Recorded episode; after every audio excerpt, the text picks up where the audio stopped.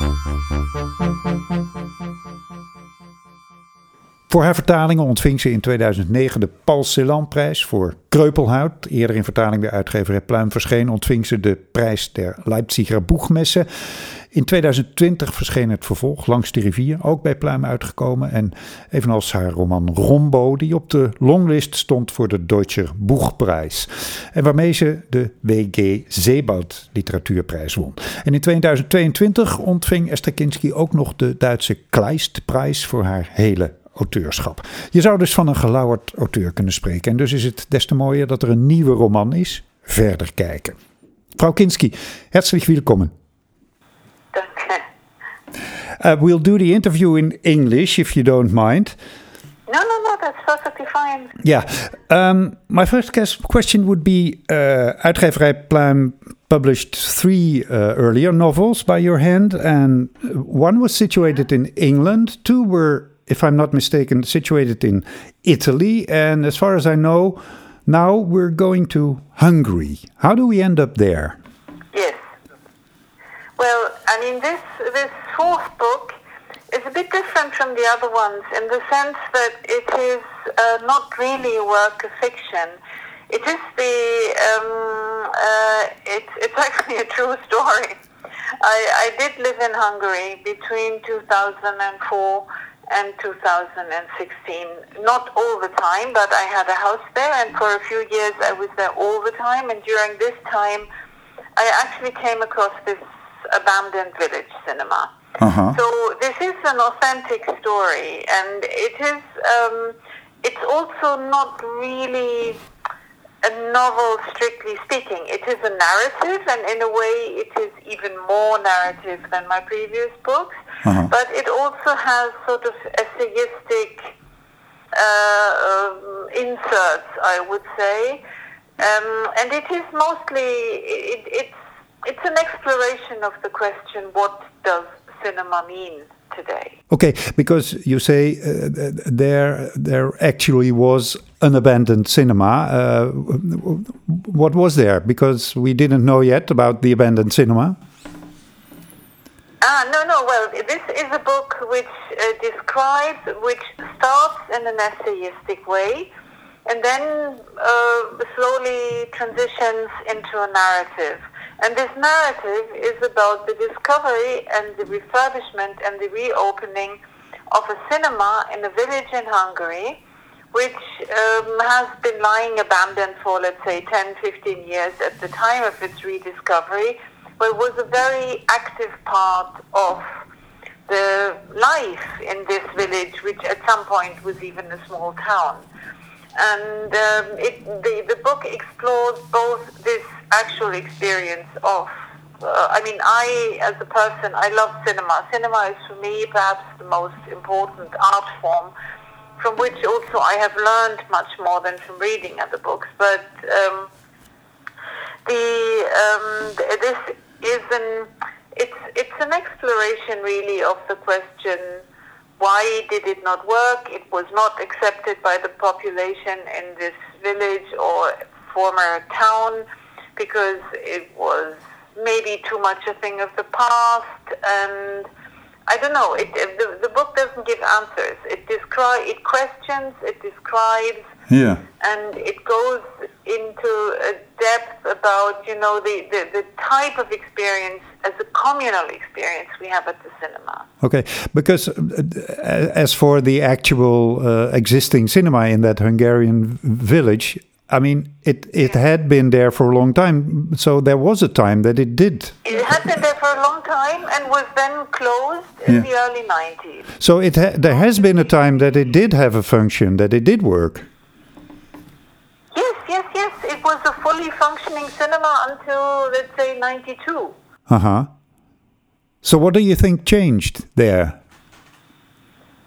Well, this is my this is really what this book is about. You know that you come to I came as a foreigner to this village, and everybody tells me how wonderful it was when the cinema was still working. You know, people are of course very poor, much poorer than they were during socialist times, and they um, everybody dreams in a way about the past, but also of a wealthier future.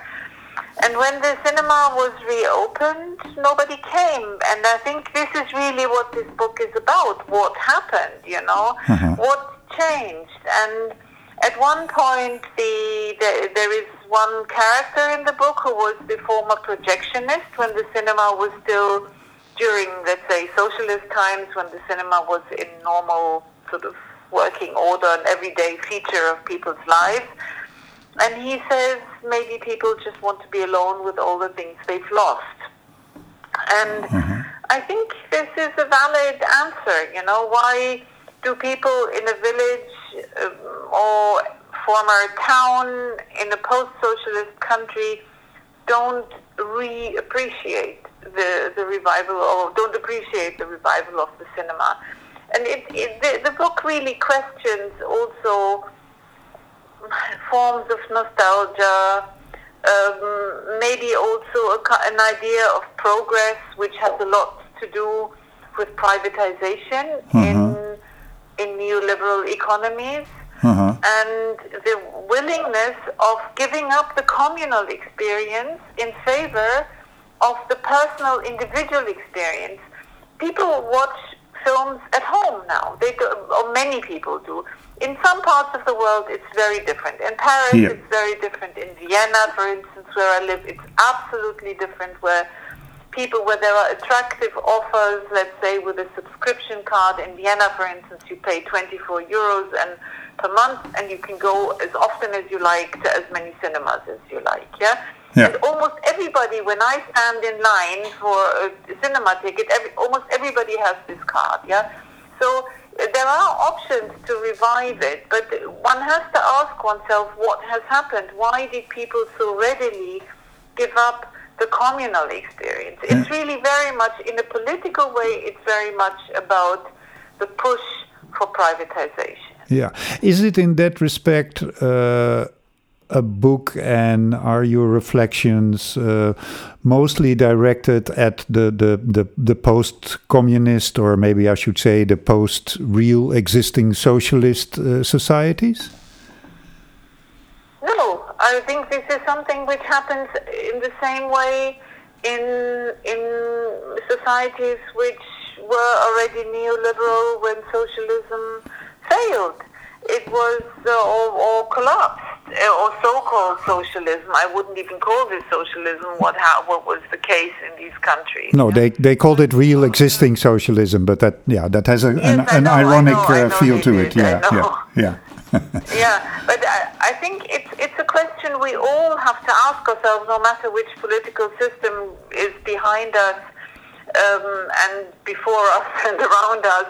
It's really the question: Why do people, wherever they are, why have they been persuaded to prefer the private experience to the communal public one? Why do people agree on the ever increasing limitations on public space, on public experience, you know?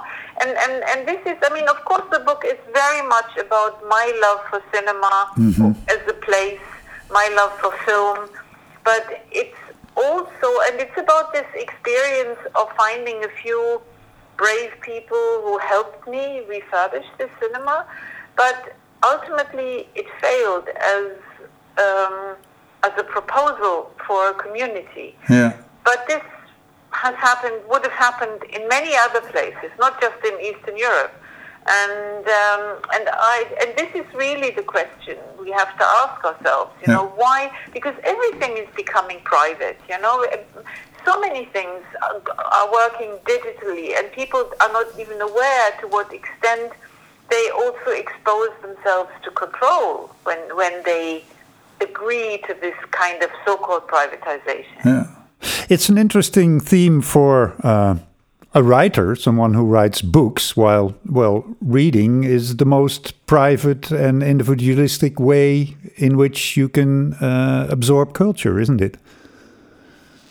Yes, but I'm, I'm not sure what the title of the book will be in Dutch. The German title is Weitersehen, Yeah. which has a number of meanings. It, it means let's continue watching, Yeah. let's see what happens, Yeah. uh, let's look further, yeah? So all these meanings are implied in this title, and um, and and it is very much about an experience of seeing. Uh-huh. For me, seeing, walking, and seeing are the most important, let's say, beginnings for a work which I write. And as I said, for me, seeing and cinema and film are completely inseparable from my process of experiencing art and experiencing the world, and are also a key to my way of writing, just like it was for Franz Kafka. Franz Kafka's books are teeming with allusions to cinema, and and his he went to the cinema almost every day. Mm-hmm. and uh, and you can see that a lot of his stories and novels are really so informed by this visual experience of the cinema. Yeah. And that was also very clear in your, your earlier novels, in which, for instance, the landscape always is, is very prominent. Uh, yes, it, yeah. it's the, the, the, my access to even to the words is through seeing and and finding the names for the things I see. Yeah, and to conclude, um, why is it important to you to make this seeing, in the case of watching a movie, uh, a shared experience? I think cinemas were just magical places, you know, where you were anonymous, but you were with other people. And I think it also, the fil- films are made for this screen. They are not made to be watched on the train or at home where you can turn off. They are entities, and it's not like a book. A film is a is something whole, which is which is made and conceived in order to be watched within one space of time.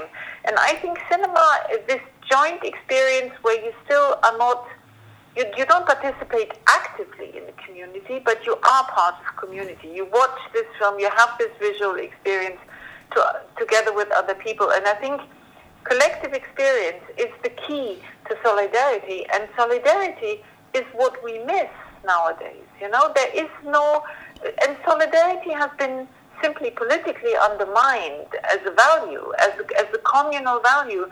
And I think the more communal experience and collective experience we have, even if each of us sees and perceives the film individually, the more the idea of solidarity can survive. And this is this is one of my thoughts behind this book. Fascinating how uh, thinking about an abandoned movie theater can can take us to uh, the concept of solidarity. We're very curious. Thank you very much, Frau Kinsky. Thank you, thank you. Okay, all best. Bye. Bye bye. Verder kijken, wat dus als het oorspronkelijke boek Weiterseen heet, best goed vertaald is, van Esther Kinski verschijnt in augustus bij uitgeverij Pluim.